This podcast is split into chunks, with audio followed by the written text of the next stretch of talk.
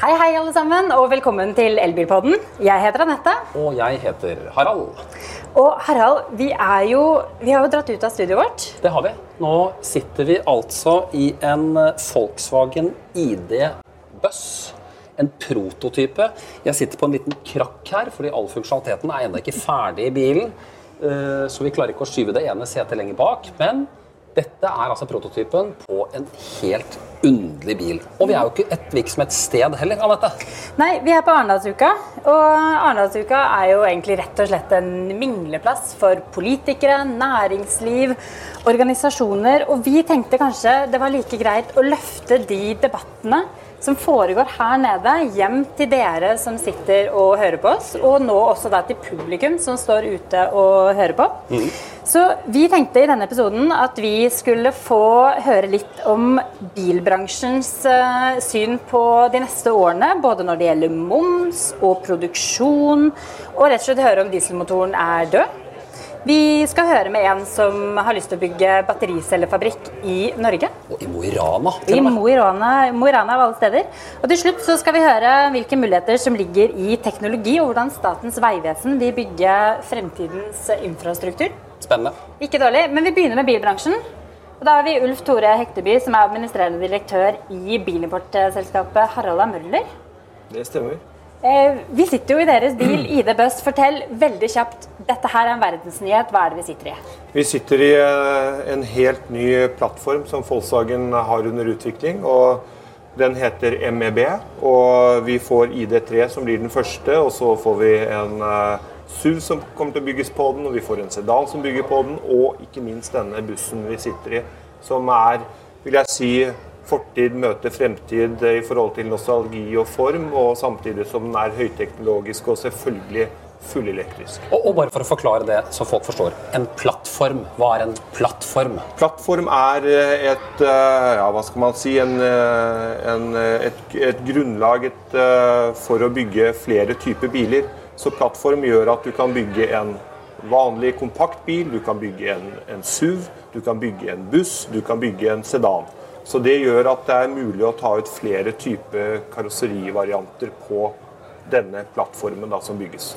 Nettopp. En stordriftsfordel, på en måte. Det kan du også si. Så det er mye er likt, men samtidig så kan man skalere i forhold til størrelse og, og andre ting. Da, og rekkevidde, ikke minst også på batteripakker. Men vi er jo da kommet dit at det ruller 250 000 elbiler på norske veier. Eh, nybilsalget består i stor grad av eh, elektriske modeller. Men i deres øyne, hvor er vi i denne omstillingen til et, eh, et elektrisk, eh, en elektrisk transport? Jeg tenker vi er på veldig veldig god vei. Vi har hatt eh, økning i elbilsalget som del av totalmarkedet over mange år nå. Det startet jo for alvor i 2011 med de små, kompakte bilene, og vi går gradvis oppover. I år så er vi nesten på 50, så det er klart det har vært et kjempeløft hittil i år. Og, eh, så vi er, eh, vi er veldig fornøyde, og vi har veldig tro på at eh, vi skal nå ambisjonen i 2025 på bare nullutslippsbiler på personbilsiden. Og det skal vi aktivt bidra til fra Harald og Møller sin side, med alle merkene vi har i huset. Ja, akkurat det du sier nå, er jo en av de tingene som er blitt diskutert her nede. For i, internt i norsk bilbransje så virker det som at det er helt enighet om nullutslipps... eh, Eller eh, visjon 2025-målet er, eh, er realistisk. At alle mener at det er mulig å nå. Så her, eh, her er det ikke Når bilbransjen seg imellom ikke er enige om det er et realistisk mål, hva skal da forbrukeren tenke, som sitter hjemme og lurer på hva de skal kjøpe seg? Ja, nei, Det er et godt spørsmål. Eh, Vi har jo faktisk også gjennom Kantar spurt eh, et utvalg av befolkningen også på hva de tenker om dette målet er realistisk. Det er mange da også som svarer at det tror de ikke noe på.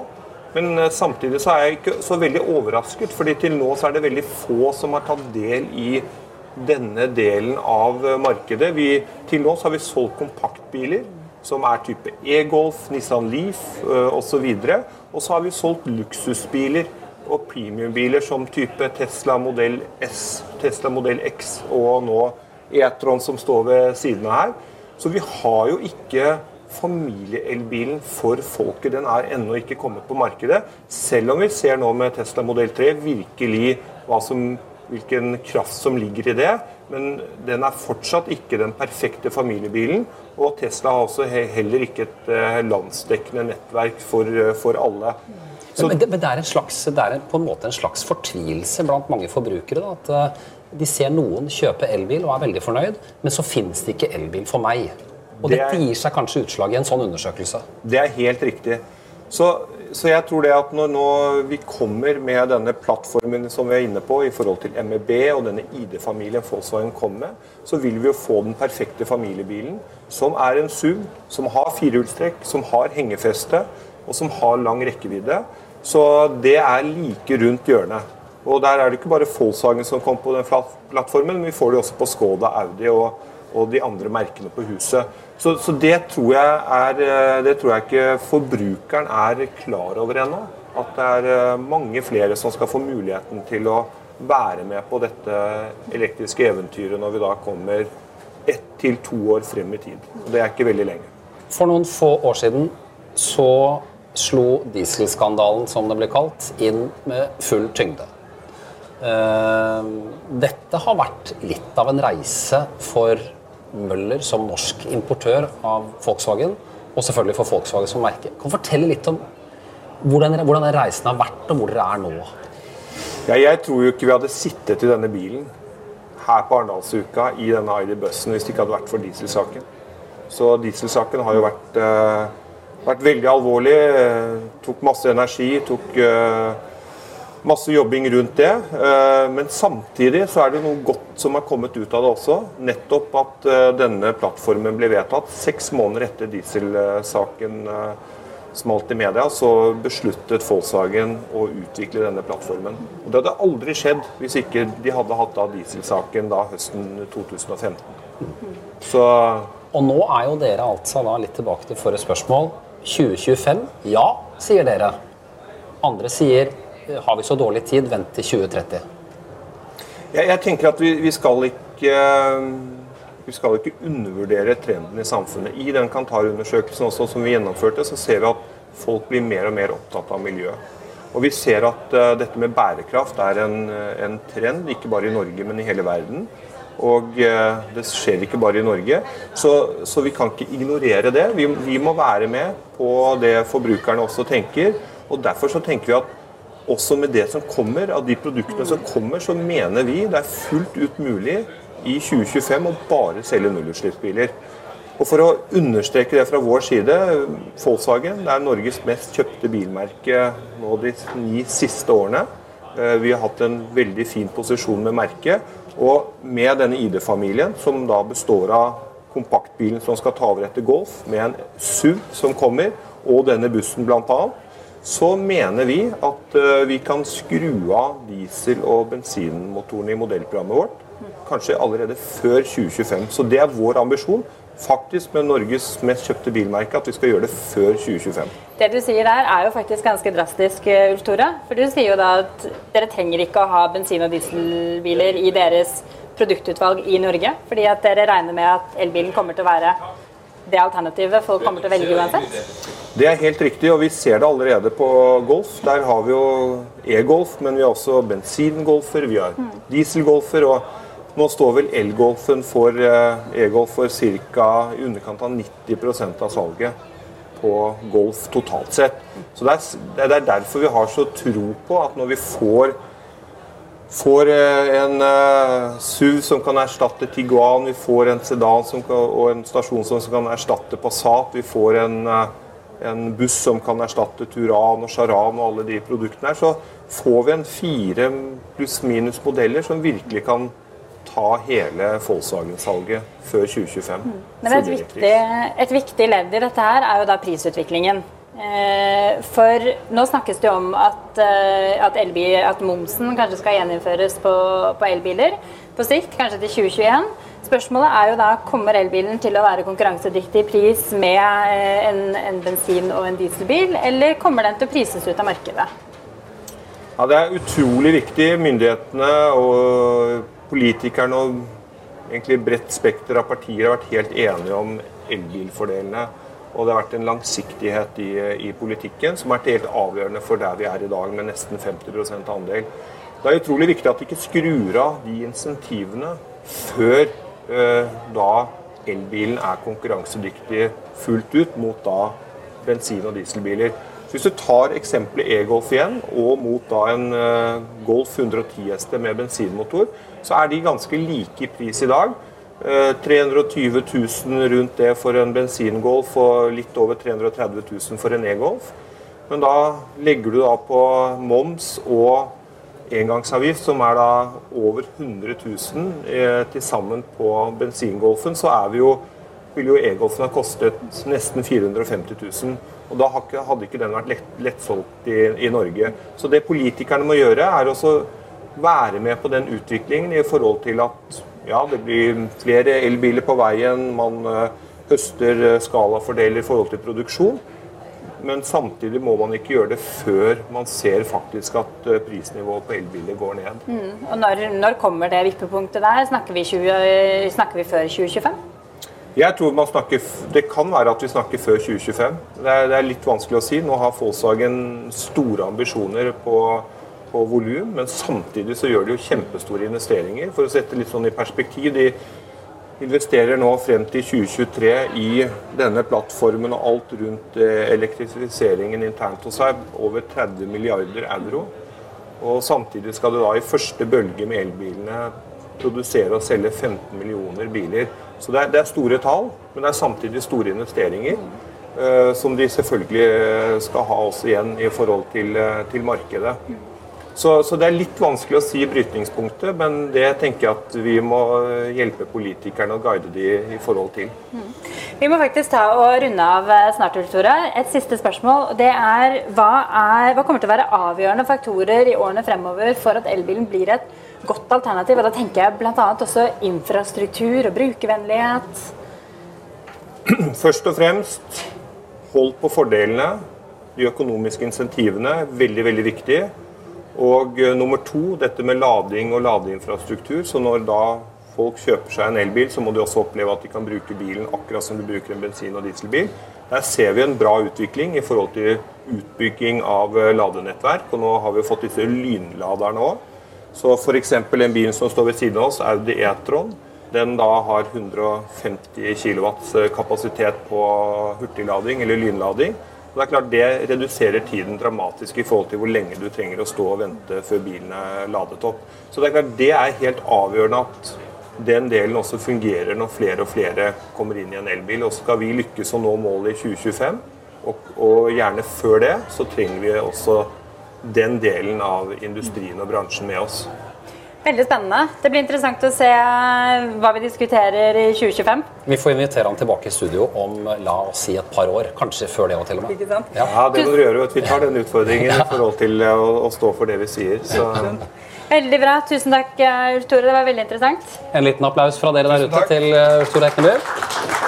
Da, eh, mens Harald tar og bytter litt eh, mikrofoner og vi bytter gjester, så, så kan jeg jo fortelle at eh, det er jo en som har lyst til at um, Norge skal kunne ta del i uh, ikke bare elbileventyr for forbrukernes del, men at det også skal være et industrieventyr. For uh, mannen som nå har uh, satt seg ned med min side, har lyst til å bygge 2500 arbeidsplasser i Mo i Rana og bygge battericeller eh, som kanskje skal være i denne ID-bussen. Tom Jensen, velkommen eh, til Elbilpodden. Tusen hjertelig takk. Kan ikke du fortelle hva, du, eh, hva er dine ambisjoner for batteriproduksjon i Norge? Ja, først og fremst så må jeg takke for at jeg får lov til å være her. eh, Og utrolig spennende å sitte inni, i- inni denne bilen. Det er jo kult med bil nå. Og, og, og bare for å prøve å sette dette litt i kontekst. Vi, vi har en ambisjon om å bygge en såkalt gigafabrikk med battericeller eh, i Norge. eh, Og vi har landet i Mo i Rana som en tradisjonell og, og, og veldig solid industrikommune. Som har bred erfaring i å, å liksom drive industrielle prosesser. Eh, Det Freyr handler om, er å etablere en såkalt gigafabrikk med 32 gigawatt-timer med battericeller. Hvor, mye, hvor mye er 32 gigawatt-timer? Det, det er, høres, et, det høres et, ut som et ekstremt høyt tall. Ja, det er riktig. Det, det er altså 32 millioner kilowattimer.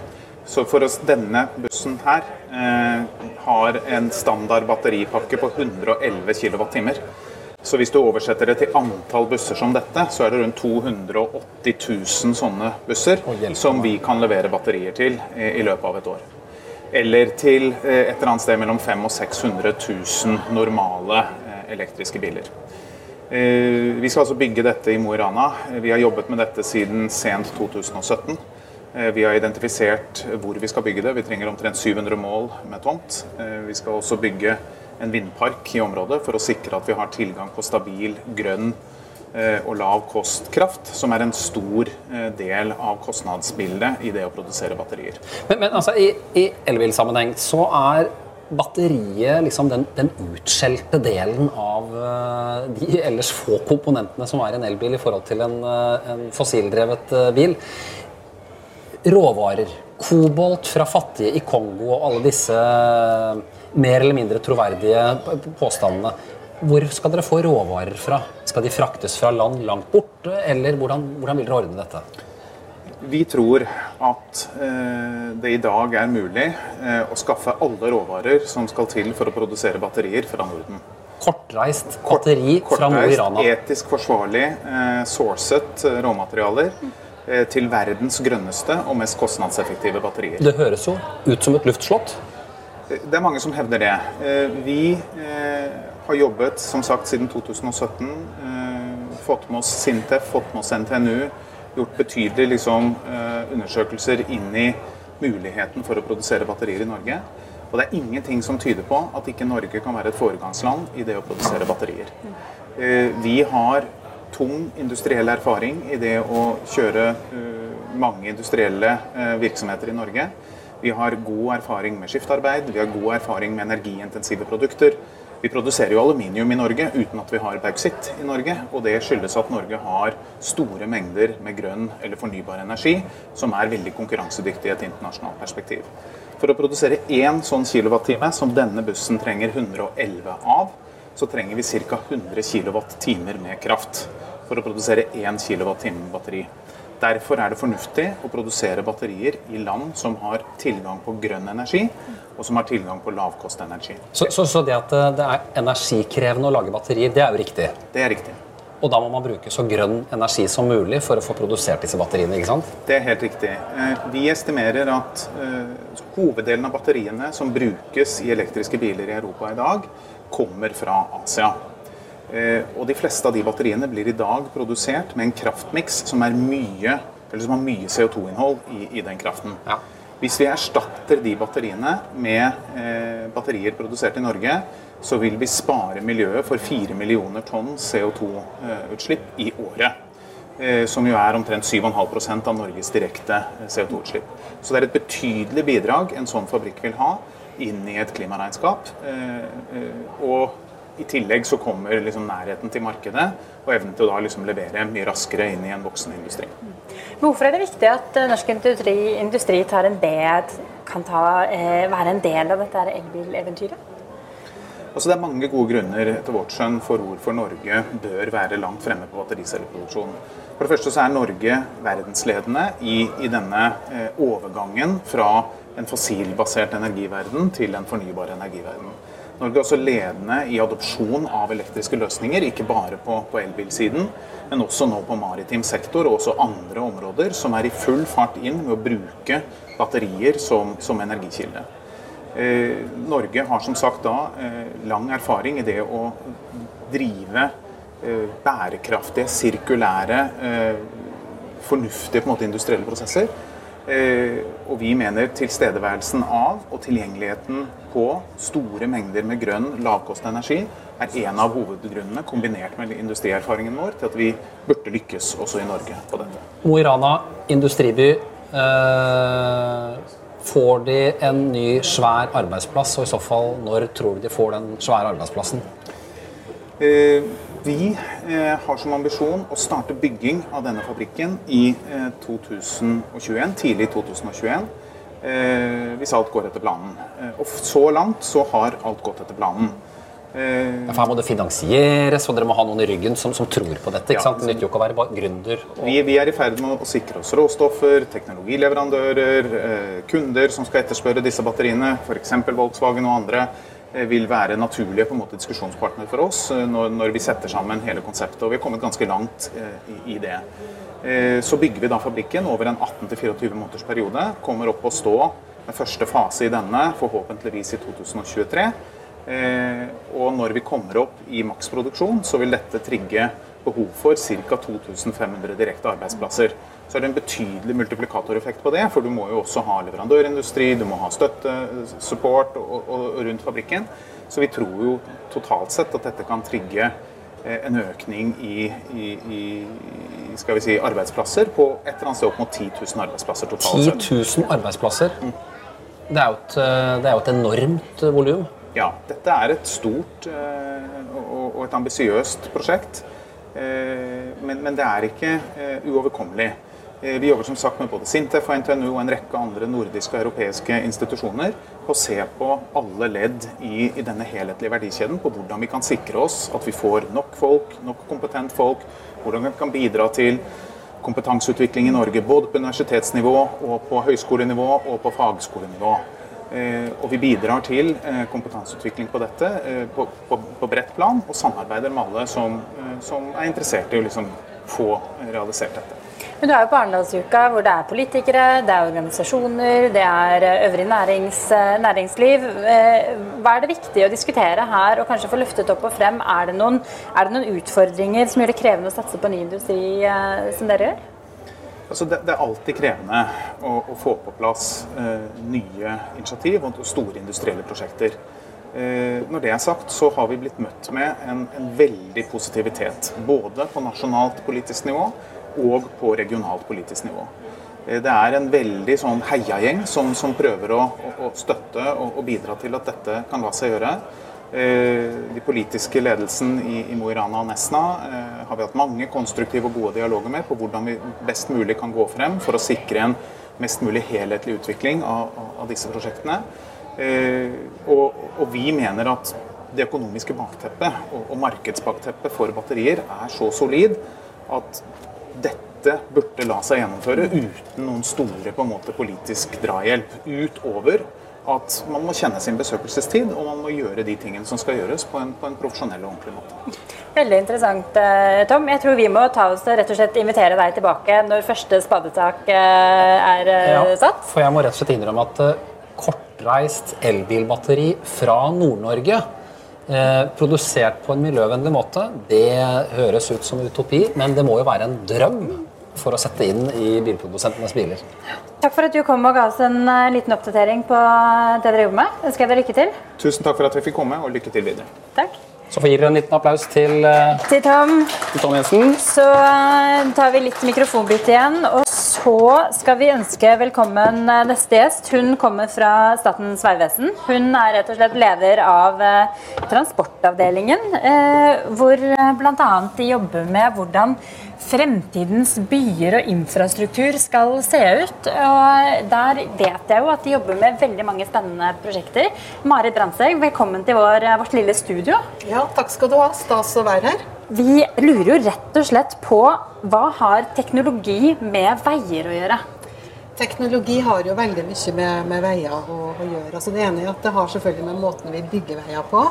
Eh, og vi jobber jo med nye teknologier for å nå det målet om å bygge mer vei for mindre penger. Eh, men akkurat når vi er på Arendalsuka og når vi sitter inni den bilen her, så er det jo noe med å si at eh, veiinfrastrukturen er jo der fordi det skal være noen kjøretøy på den. Eh, og det er jo de kjøretøyene og måten vi får de kjøretøyene til å bevege seg på det veinettet på en sikker, miljømessig og en måte som gjør at vi får mest, best mulig framkommelighet, det er jo det som er myndighetene sin aksje inn i det her. Jeg har kjørt en del med autopilot og førerstøttesystemer, og eh, jeg tenker jo at eh, sånn som systemene er i dag, så er jo noe så enkelt som veimerking i veien. At den er til stede, og at den er riktig det er noe som, eh, som er avgjørende. Men det, dette er jo mye større enn det. Det er veldig mye større enn det, men det er samtidig et veldig godt, eh, godt eksempel. Eh, fordi at det, det, er en ting som er veldig viktig med alle de førerstøttesystemene som vi har, er jo at vi får en enda større trafikksikkerhet. Altså vi har lave dødstall på norske veier. Men det at vi får moderne biler som har flere førerstøttesystem, gjør jo at, får, at det blir enda tryggere å, å være på veien. og Det er jo et av de viktige målene. Eh, så når du sier veioppmerking, så handler jo det selvfølgelig om om er det sånn at det kjøretøyet har sensorer som da leser veioppmerkinga og forstår hva den betyr. Og da må jo det være veldig entydig. Eller så er det jo sånn at vi kan ha noen, at biler er oppkobla, sånn at du da får informasjon om, om veibanen og kjøreruta di inn i bilen. Så det er på mange måter to, to system, men de utfyller jo hverandre og vil helt sikkert gjøre det langt i fremover. Spesielt hvis vi snakker om elektrifisering. Hvilken rolle kommer egentlig elektrifisering og elbiler til å spille i, i fremtidens byer?